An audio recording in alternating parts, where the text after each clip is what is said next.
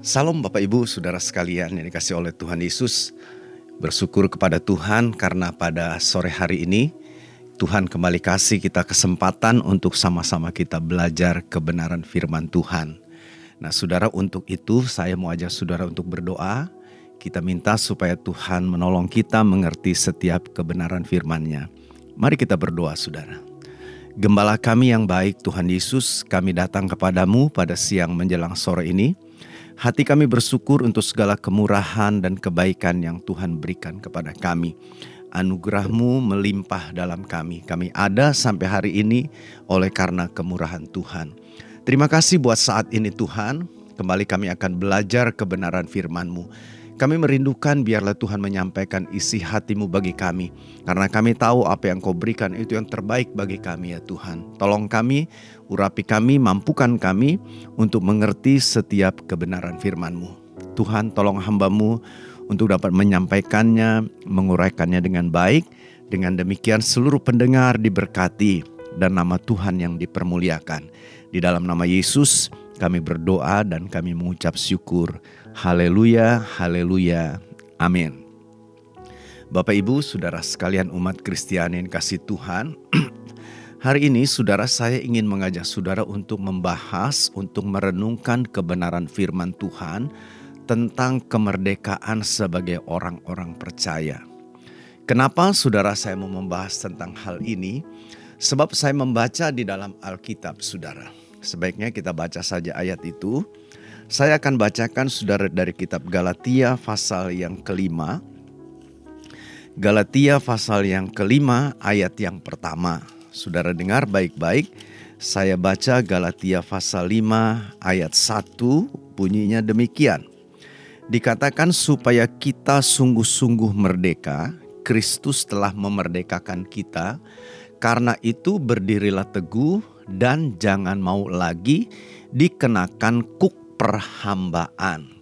Saudara dalam ayat itu Paulus mengatakan ada kalimat supaya kita sungguh-sungguh merdeka. Nah kalau dibilang sungguh-sungguh merdeka, secara tersirat di dalamnya kita bisa bilang ada orang-orang yang merasa dirinya merdeka, sudah dimerdekakan, tetapi dalam kenyataan, di dalam faktanya, kenyataan hidupnya, sesungguhnya belum merdeka masih ada sisi-sisi tertentu yang mengikat di dalam kehidupannya. Nah, untuk itu, saudara, saya mau ajak saudara saat ini untuk sama-sama coba kita merenungkan ini. Dan saya berdoa, saya berharap Tuhan benar-benar berbicara, menerangi kita, sehingga kita bisa melihat posisi kita. Apa betul saya ini sudah mengalami kemerdekaan yang sejati atau belum? Saudara, Sesungguhnya kalau kita mau baca ayat ini baik-baik, seharusnya saudara dan saya sebagai orang-orang percaya yang percaya kepada Yesus memang seharusnya kita ini sudah merdeka. Saudara tetapi seperti saya bilang tadi, di dalam fakta, di dalam realita kenyataan kehidupan, kita bisa temui ada orang-orang Kristen yang masih belum merdeka sepenuhnya, masih terikat, masih terbelenggu, Saudara mungkin tidak seluruh kehidupannya, tapi ada sisi-sisi tertentu dalam kehidupannya yang dapat dikatakan masih belum merdeka. Nah, saya akan coba mengajak saudara untuk lihat beberapa sisi yang mungkin saja saudara belum merdeka. Yang pertama, sisi secara spiritual. Saudara, apakah kita sudah mengalami kemerdekaan secara spiritual? Tidak ada lagi yang memperbudak, tidak ada lagi yang mengikat kita. Kita benar-benar bebas hanya terikat dengan Kristus saja. Saudara, kalau kita pelajari kitab Galatia, saudara-saudara, tentu Paulus menulis surat ini kan kepada jemaat yang ada di Galatia, artinya kepada orang-orang Kristen, orang-orang yang percaya kepada Yesus yang ada di Galatia. Jadi dalam kenyataannya mereka itu memang orang percaya, tetapi saudara sayangnya mereka itu masih terikat. Kalau saudara baca pasal yang keempatnya, bagaimana Paulus bilang, kah saya bingung gitu ya. Paulus bilang dalam bahasa kita sehari-hari, dia bilang, aku bingung nih lihat kamu. kok begitu gampangnya kamu yang tadinya begitu setia berpegang teguh hanya kepada Kristus. Kamu kok bisa berbalik lagi? Dulu memang kamu hidup tanpa Allah, ya kamu hidup di luar Kristus, ya beribadah kepada Allah-Allah bukan Allah. Tapi sekarang dibilang, kamu yang sudah percaya kepada Kristus, bagaimana mungkin katanya? Kok kamu bisa balik lagi ke sana? Saudara-saudara, ini kenyataan yang kita temui dalam kehidupan kita. Pengamatan saya, saudara, sering kali kita ini terjebak kembali kepada eh, apa namanya perbudakan, kembali kepada perhambaan hal-hal yang tidak baik itu. Biasanya, saudara, umumnya ini menyangkut tentang tradisi-tradisi yang kita terima dari orang tua-orang tua kita Saudara saya mengerti tidak semua aturan-aturan tradisi itu salah. Ada aturan-aturan yang bersifat katakan sejalan dengan firman. Nah untuk aturan-aturan yang seperti ini ya kita harus lakukan. Juga mungkin ada aturan-aturan yang sifatnya mungkin netral saudara. Tidak ya Alkitab juga tidak bicara nggak boleh juga tidak menganjurkan begitu saudara Ya mungkin contoh seperti pakaian ya. Pakaian adat itu saudara itu kan menurut saya netral. Kita tidak salah saudara mau pakai pakaian adat atau pakaian modern seperti sekarang tidak salah. Tetapi saudara perlu juga mengerti ada aturan-aturan yang terang-terangan bertolak belakang dengan ajaran Alkitab. Dengan apa yang Alkitab katakan. Nah di sinilah saudara sering kali kita melihat ada banyak orang-orang Kristen berada di dalam kebingungan. Dan dalam kenyataannya kita lihat akhirnya mereka lebih condong untuk berpegang teguh kepada hal-hal yang mereka terima dari generasi-generasi sebelumnya. Dengan dalih saudara, saya pernah uh, dengar ada orang bilang begini. Sebelum saya jadi Kristen, bahkan dibilang sebelum agama Kristen itu masuk di daerah saya, ini aturan ini nih sudah ada, dibilang begitu. Jadi sudah lebih dulu ada aturan ini dibandingkan dengan aturan yang diajarkan oleh Alkitab. Makanya dia bilang ya kami harus tetap berpegang. Ya nggak apa-apa kami boleh percayalah kepada Tuhan Yesus. Tapi ini tidak boleh dilepaskan. Nah saudara-saudara tentu ini satu sikap yang menurut saya kurang pas. ya Sebab saudara-saudara Tuhan mau kita ini benar-benar bebas terlepas dari perbudakan-perbudakan seperti itu. Saudara contohnya ada orang saudara yang masih suka datang ke kuburan atau kepada orang yang sudah mati mereka sembayang. Ya kalau sembayang jangan sama orang mati, harusnya sama Tuhan yang hidup kan harusnya begitu saudara. Ini logika kita saja ya. Saudara mereka datang, mereka sembayang. Saudara-saudara, ini menurut saya hal yang salah. Ada orang-orang yang pergi ke gunung, ya, ke kuburan, ke tempat-tempat keramat, mencari pertolongan, mencari perlindungan. Kita melihat saudara fakta seperti ini ada. Dan ada orang-orang Kristen yang masih melakukan hal-hal seperti ini. Kita melihat saudara ada orang-orang yang pergi ke dukun. Ya, untuk apa? mencari pertolongan supaya tokonya rame, supaya sakitnya sembuh, dan lain-lain. Kita juga sering lihat ada orang-orang Kristen yang masih berpegang atau memegang jimat-jimat, benda-benda tertentu yang dianggap bisa melindungi. Satu hari saya pernah saudara pergi dengan seorang bapak. Sudah cukup usianya ya, lebih tua dari saya jauh. Saudara saya pergi makan dengan dia. Ini orang Kristen Lalu saudara, sementara kita makan, selesai makan ngobrol-ngobrol, dia buka dompetnya dia. Dia tunjukin sama saya ada satu bungkusan kecil dibungkus seperti dengan kain putih. Dia bilang begini sama saya sambil berbisik, Pak Ferry, sekarang saya tenang, aman. Oh saya bilang kenapa om bisa merasa gitu? Saya pikir ya karena dia orang Kristen kan mungkin semakin dia dekat dengan Tuhan. Dia kasih tunjuk tuh saudara dia buka dompetnya karena saya ada ini sekarang Pak Ferry. Jadi saya bilang apa itu om? Wah ini pokoknya dengan ini saya akan aman dia bilang. Nggak akan ada orang yang berani ganggu saya macam-macam. Saudara-saudara ini orang Kristen. Jadi kita melihat ada orang-orang yang terikat dengan hal-hal seperti ini. Saudara-saudara, tentu ini salah. Ya, saya berharap tentu kita tidak seperti itu. Tapi ada orang-orang juga yang terikat mungkin bukan dengan hal-hal seperti itu. Kalau dalam Alkitab dibilang ada orang-orang yang terikat diperbudak dengan mamon. Jadi mamon itu harta, uang itu menjadi tuannya, dia menjadi budak. Saudara segala sesuatunya itu pokoknya diukur dengan uang. Semua pokoknya uang, uang, uang. Uang itu yang utama di dalam kehidupannya. Saudara-saudara, saya mengerti kita ini butuh uang. Saya perlu uang, saudara juga perlu uang. Tapi jangan lupa saudara, jangan kita salah. Alkitab ingatkan kepada kita bahwa cinta akan uang itu itu yang akan memunculkan bermacam-macam kejahatan dalam hidup kita. Kita tahu kan masalahnya bukan pada uangnya, tapi pada rasa cintanya itu. Bagaimana seperti kita mendewakan dan seluruh kehidupan kita sepertinya kita abdikan saudara kepadanya. Ini perlu hati-hati saudara. Minggu lalu atau dua minggu lalu saya sampaikan kan tentang hal ini. Kita perlu waspada, saudara. Kadang-kadang saudara orang berpikir dengan saya banyak uang, hidup saya akan tenang. Dengan saya banyak uang, maka hidup saya akan terjamin.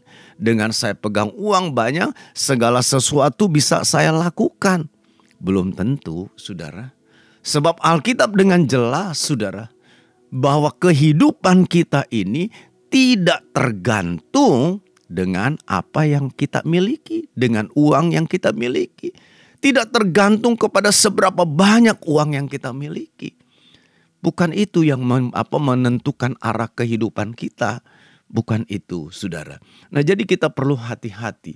Saya melihat ada banyak orang-orang Kristen yang masih terikat, saudara, kepada mamon, diperhamba, diperbudak, dan mengerikan, saudara orang-orang melakukan segala cara menghalalkan segala cara berbohong, menipu, korupsi begitu sudah hanya untuk mendapatkan uang. Nggak peduli yang dia lakukan itu salah atau benar, yang penting dia dapat uang. Kan lihat saudara betapa bahayanya orang-orang seperti ini. Dan biasanya kalau orang-orang Kristen yang masih terikat dengan masalah keuangan, dia paling tidak suka kalau dia dengar khotbah-khotbah tentang memberi persembahan, memberikan persepuluhan, membantu orang-orang yang memerlukan pertolongan, memberikan sumbangan untuk pembangunan gereja, memberikan sumbangan untuk penginjilan. Wah, dia paling tidak suka, Saudara. Saudara-saudara itu kita bisa lihat tuh ciri-ciri orang yang seperti itu. Jadi hidupnya itu Saudara tertuju hanya untuk dirinya seperti gambaran yang Alkitab bilang tentang orang kaya yang bodoh. Yang Yesus bilang itu. Wah dia pikir saudara dengan hartanya yang bertimbun-timbun itu. dia akan merasa aman. Dia bilang sama jiwanya tenang aku sudah santai-santai saja. Sudah tersedia seluruh jaminan kehidupan ini. Tapi saudara-saudara Alkitab bilang malam itu dia mati. Dan Yesus katakan begini. Itulah jadinya terhadap orang-orang yang tidak kaya di hadapan Tuhan. Saudara sebelumnya Yesus sudah bilang karena saudara hidup kita itu tidak ditentukan oleh seberapa banyak uang yang kita miliki. Nah saudara saya tahu ada orang-orang Kristen yang masih terikat dengan hal ini. Bahkan kalau saya mau jujur maaf saya bilang ada hamba-hamba Tuhan yang masih terikat menjadi budak daripada mamon pelayanan mungkin pilih-pilih gitu saudara. Saya ingat beberapa tahun yang lalu saudara. Saya pernah diminta oleh seorang rekan hamba Tuhan untuk menggantikan dia khotbah. Saudara, jadi dia telepon saya Pak Ferry, dia bilang bisa nggak tolong gantikan saya untuk khotbah di satu gereja begitu. Saya bilang kenapa Pak nggak enak dong saya kan bukan saya yang diundang tapi Bapak yang diundang gitu. Enggak, dia bilang saya sudah telepon dengan pendetanya, saya sudah minta maaf, saya tidak bisa hadir dan saya akan minta teman saya untuk menggantikannya. Pendetanya sudah oke okay, katanya begitu. Saudara-saudara, ya saya dengan polos saja oke okay lah saya berangkat begitu saudara. Memang saya diterima oleh pendetanya, saya ya disambutlah saya pelayanan, saya khotbah. Saudara-saudara, itu terjadi bukan sekali, dua kali atau tiga kali saya lupa tuh saudara. Dan akhirnya saya tahu, saudara, kenapa kok dia tiba-tiba minta saya untuk menggantikan. Artinya kan saudara dia sebetulnya sudah oke tuh untuk jadwal pelayanan itu. Ternyata saudara dia mendapat tawaran pelayanan yang lebih baik. Saudara ngerti maksud saya lebih baik dalam tanda kutip. Ya. Sejak saat itu saudara ketika dia telepon saya untuk minta gantikan saya, saya bilang maaf saya tidak bisa. Saya tidak bisa, saya tidak mau. Saudara ada kenyataan-kenyataan yang seperti itu. Jadi mari kita belajar untuk melihat hidup kita ini biarlah hanya kita abdikan kepada Tuhan, bukan kepada mamon. Yesus ingatkan kita nggak bisa mengabdi kepada dua Tuhan, kepada mamon maupun kepada Allah pasti saudara kita akan berat sebelah. Kita akan lebih condong kepada salah satunya. Nah, jadi saudara, ada nih orang-orang Kristen yang masih seperti ini. Ini bahaya ya. Saya berharap sih saudara yang mendengarkan renungan ini tidak ada lagi. Tapi kita benar-benar merdeka di dalam masalah keuangan. Tidak diperbudak. Saya lihat begini saudara. Orang-orang yang merdeka secara finansial Mungkin kalau dibilang apa dia akan jadi kaya raya, wah punya deposito, punya harta banyak. Belum tentu, saudara. Menurut saya bukan itu arti daripada kemerdekaan secara finansial. Tapi dia bebas dari perbudakan uang itu.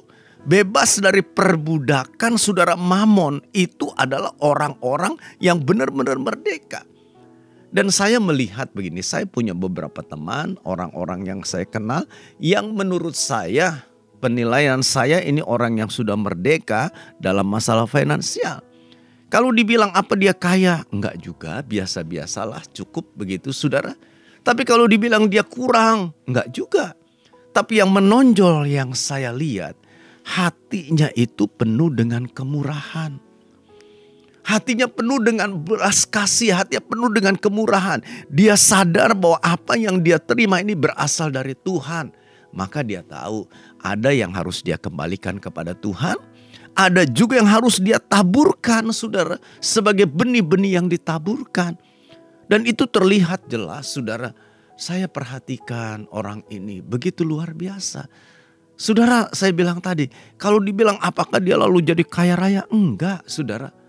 Boleh dibilang saya tahu persis kok saudara enggak. Tapi Tuhan cukupkan apa yang menjadi keperluannya. Tuhan tidak pernah tinggalkan di tengah-tengah menghadapi situasi kehidupan yang berat. Ya Tuhan topang dia, Tuhan ada menyertai. Dan dia tetap bersuka cita. Satu hari saudara dari seorang pengusaha, saya baca cerita ini, kesaksiannya di satu artikel gitu saudara. Dia bersaksi begini, ketika Indonesia dilanda corona saudara, usahanya itu benar-benar bangkrut Hancur benar-benar hancur. Tapi saudara yang herannya itu tidak ada perubahan sedikit pun juga dari hidup orang ini. Dia tetap nampak sukacita, dia tidak murung, dia tidak apa jadi stres mikirin gitu saudara enggak. dia biasa-biasa saja. Bahkan saudara teman-temannya itu kalau memang nggak tahu itu sudah nggak akan ngerti kalau dia sedang bangkrut. Saudara-saudara, sampai satu saat ada sahabat dekat yang tahu itu, lalu tanya sama dia. Dia bilang gini, kok saya lihat kamu tenang-tenang aja ya. Saya lihat kamu di gereja tetap suka cita, nyanyi, melayani, ya biasa sepertinya tidak terjadi apa-apa gitu. Bagaimana bisa seperti itu? Jadi temannya bertanya. Saudara dia menjawab, dia bilang begini. Saya tahu, dia bilang, keadaan saya memang sedang bangkrut. Tetapi saya sadar, dia bilang saya dulu memulai usaha ini, dia bilang, itu benar-benar merangkak dari bawah. Dari tidak ada Tuhan angkat saya sampai saya memiliki beberapa perusahaan itu. Dan saya sadar itu bukan karena saya hebat, itu hanya karena anugerah Tuhan. Itu bukan punya saya, Tuhan hanya percayakan.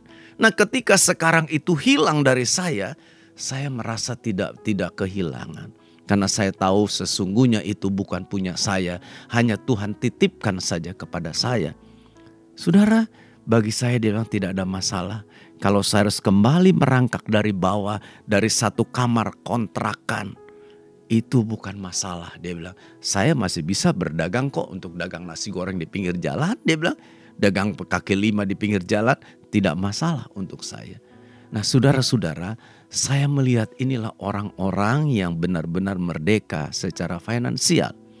Hidupnya, sukacitanya, segala sesuatu dalam hidupnya tidak ditentukan oleh uang yang dia punya. Apakah dia punya uang atau tidak, dia tetap bersuka cita. Itu orang-orang yang tidak diperbudak oleh mamon. Saudara, lalu saya juga melihat begini. Ada orang-orang Kristen mungkin secara spiritual tidak terlibat dalam masalah okultisme. Atau juga barangkali secara finansial oke okay lah dia merdeka. Tapi saudara kadang-kadang kita melihat ada orang-orang Kristen yang secara emosional belum merdeka. Artinya masih ada hal-hal buruk yang masih diam, berdiam, menguasai, ada melekat di dalam hatinya. Saudara banyak orang Kristen yang masih punya kepahitan. Banyak orang Kristen yang masih punya rasa dendam, kebencian, ketidaksukaan. Saudara ada yang seperti itu. Dua minggu atau tiga minggu yang lalu saya dengar ada seorang saudara cerita kepada saya. Ini cerita benar. Dia bilang begini, ini yang cerita jemaat saya saudara. Dia bilang Pak, saya tuh ngajak ada seorang dia bilang untuk datang ke gereja. Karena saya tahu orang ini katanya dulunya pernah ke gereja, bahkan ke gereja kita ini Pak. Kapan? Saya bilang gitu. Wah udah lama, udah lebih dari 10 tahun Pak. Dia bilang begitu.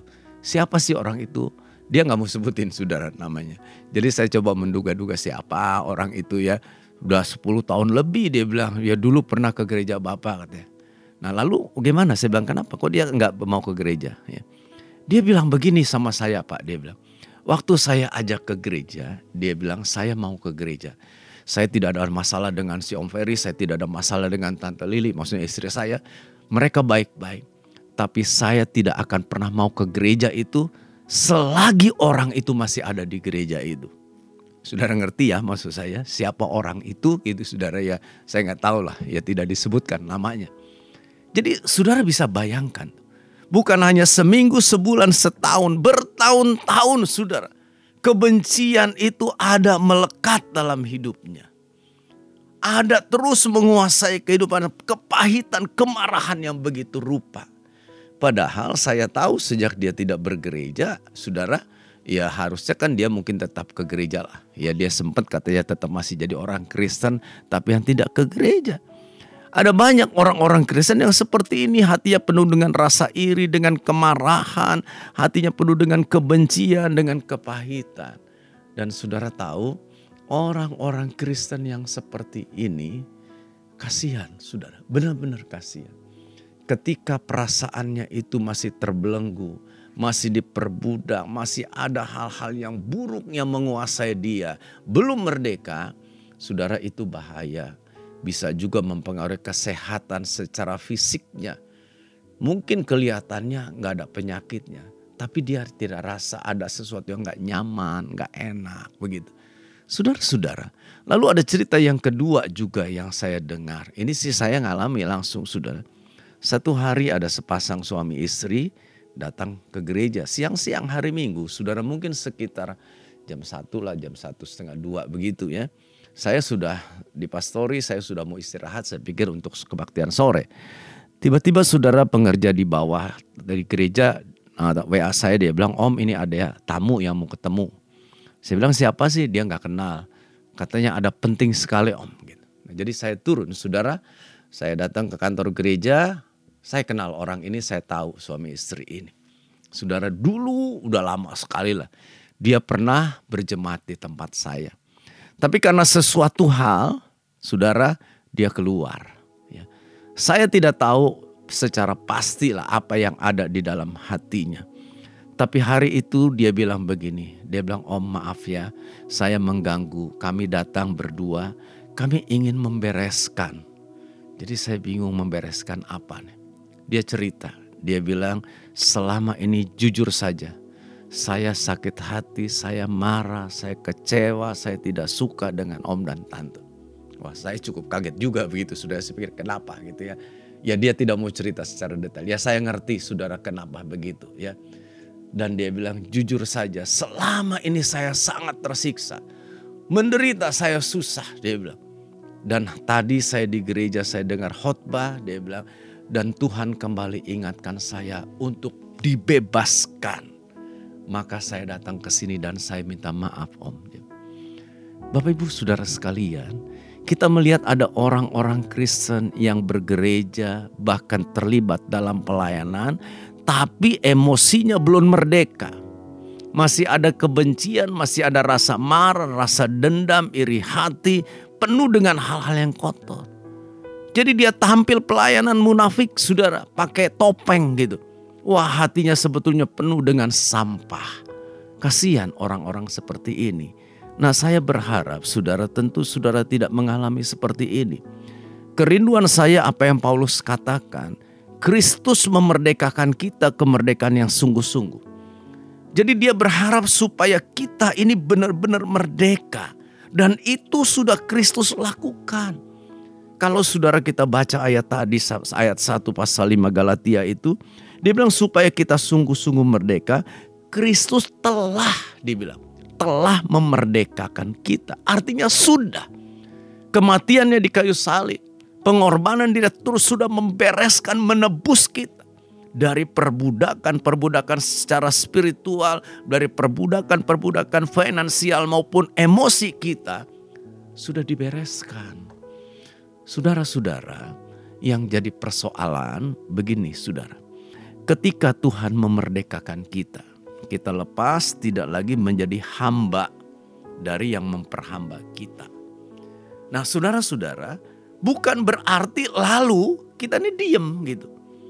Saya suka dengan apa yang Alkitab katakan tentang masalah perhambaan atau perbudakan. Dan hukum perhambaan atau hukum perbudakan secara sederhana bisa kita pengerti gini. Umpama saya jadi budak dari seorang bapak, dari seorang yang bernama A. Saudara namanya budak kan ya saya nggak punya hak apa-apa. Segala sesuatu yang diperintahkan oleh si A pokoknya ya itu yang harus saya lakukan. Itu aturannya begitu. Bagaimana saya bisa lepas dari si A ini untuk tidak lagi menjadi budak? Ada beberapa cara. Salah satu caranya ada orang yang rela menebus saya.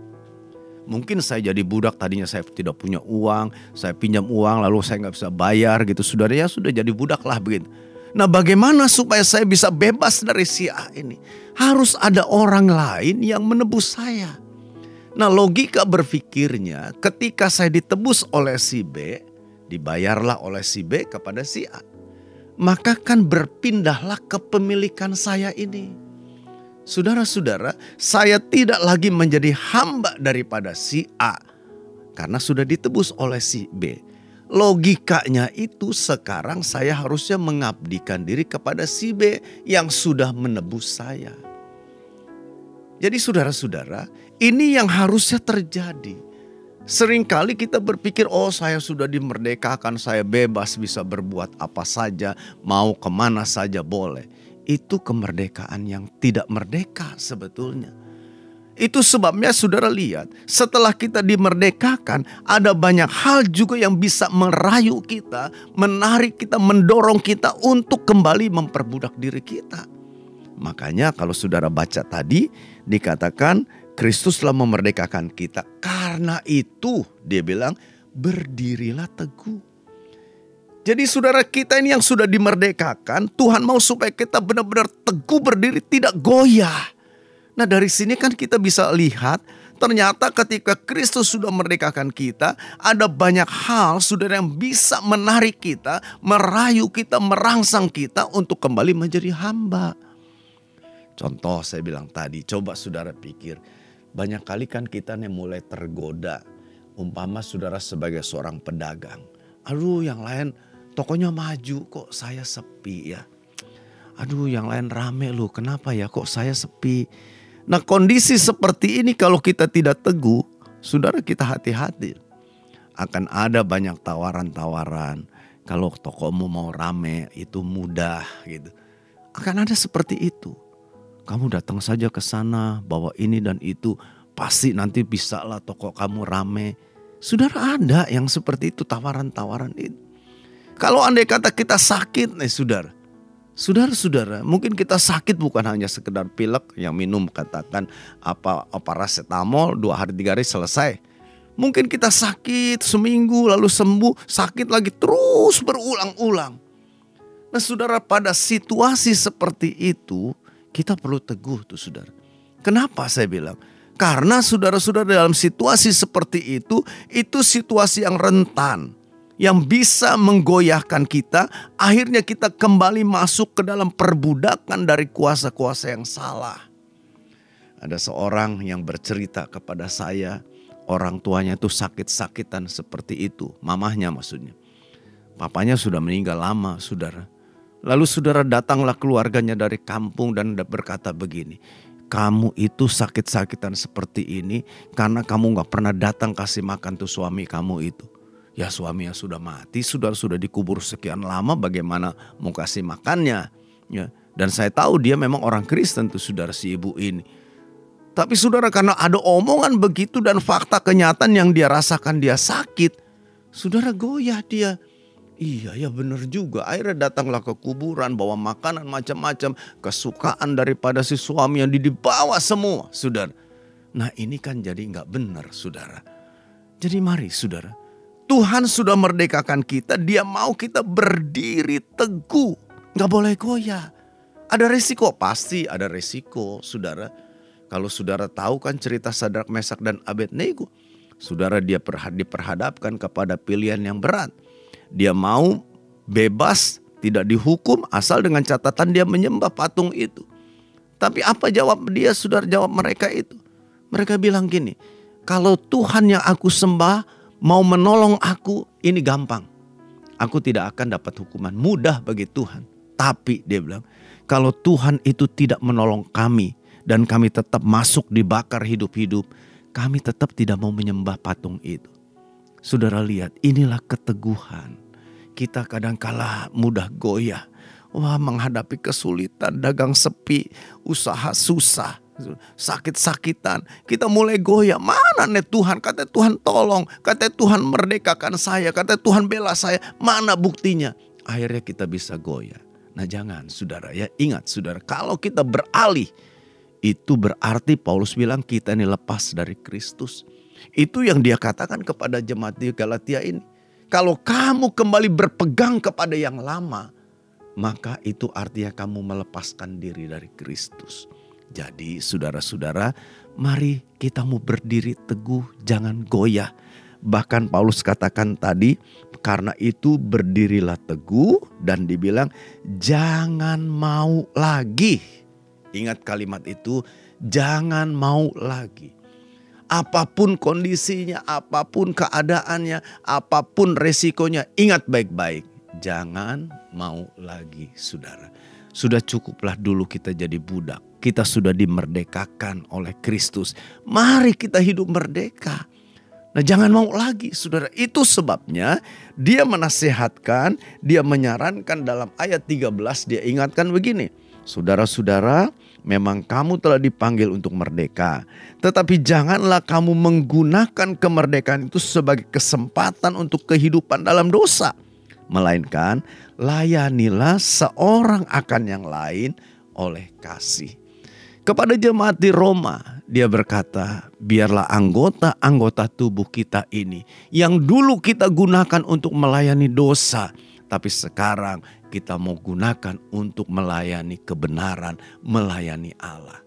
Jadi saudara, saya rindu, saya berharap saudara yang mendengarkan kebenaran firman ini tidak ada seorang pun juga yang masih terikat mungkin dengan unsur-unsur okultisme, masih terikat saudara dengan mamon, masih terikat dengan perasaan-perasaan yang tidak baik dalam dirinya. Tapi kita benar-benar merdeka, kita mau berdiri teguh apa pun situasinya. Dan saya mau katakan sama saudara, saya tidak pernah percaya orang benar itu dibiarkan dan ditinggalkan. Itu janji Alkitab sudah bahwa orang benar itu akan dipelihara, dijaga, dilindungi, disertai oleh Tuhan. Walaupun penjagaan, perlindungan, penyertaannya kadang-kadang tidak sesuai dengan apa yang kita harapkan, tapi Dia tidak akan pernah meninggalkan kita. Dan bagi saya, saudara, kita jauh lebih berbahagia, kita jauh lebih tenang, lebih aman ketika kita ada bersama-sama dengan Yesus. Bahkan ada orang dengan ekstrim dia berkata, sekalipun saya harus masuk dalam neraka, tapi kalau saya ada bersama dengan Yesus di neraka, saya tetap mau masuk neraka. Saudara-saudara, ini memang terlalu ekstrim kedengarannya. Tapi dia bilang begini, saya tahu ketika saya bersama Yesus ada di neraka, maka kehadiran Yesus akan mengubah neraka menjadi sorga. Nah, jadi Bapak Ibu Saudara sekalian, mari biarlah saudara kita menjadi orang-orang Kristen yang benar-benar merdeka. Tidak lagi dibelenggu, tidak lagi diperbudak. Karena Kristus telah memerdekakan kita dan kita mau tetap berdiri teguh. Kita tidak mau kembali lagi, kita mau tolak segala hal-hal yang tidak berkenan itu. Dan kita mulai mengabdikan diri kita bagi Tuhan. Tuhan Yesus berkati kita semua. Amin. Mari kita berdoa saudara. Gembala kami yang baik, kami bersyukur buat kemurahan, kebaikan Tuhan atas hidup kami. Untuk kebenaran-kebenaran firman ini, kami berterima kasih sebagai orang yang percaya kepadamu. Kami mengerti kami sudah dimerdekakan, dilepaskan dari segala belenggu. Dan inilah hidup kami Tuhan. Kami persembahkan bagimu. Kami mau melakukan sesuatu bagi Tuhan dan biarlah seluruh kehidupan ini boleh memuliakan Tuhan. Berkati seluruh pendengar di mana pun juga mereka berada. Biarlah kasih karunia Allah, anugerah Allah ada atas mereka, memberkati, melindungi mereka, menyembuhkan yang sakit, memberikan kekuatan kepada yang lemah, memberikan kelegaan kepada setiap kami Tuhan. Terpujilah namamu, kami bersyukur buat segala kebaikan Tuhan Berkatmu ada atas setiap hamba-hambamu, gerejamu, umatmu, bahkan kami serahkan setiap kota di mana siaran ini ditangkap, biarlah mengalir berkat Allah di sana. Berkati bangsa kami, pemimpin-pemimpin ini kami serahkan kepadamu Tuhan. Terima kasih Bapa, terpujilah namamu di dalam nama Tuhan Yesus Kristus. Haleluya, haleluya. Amin, amin.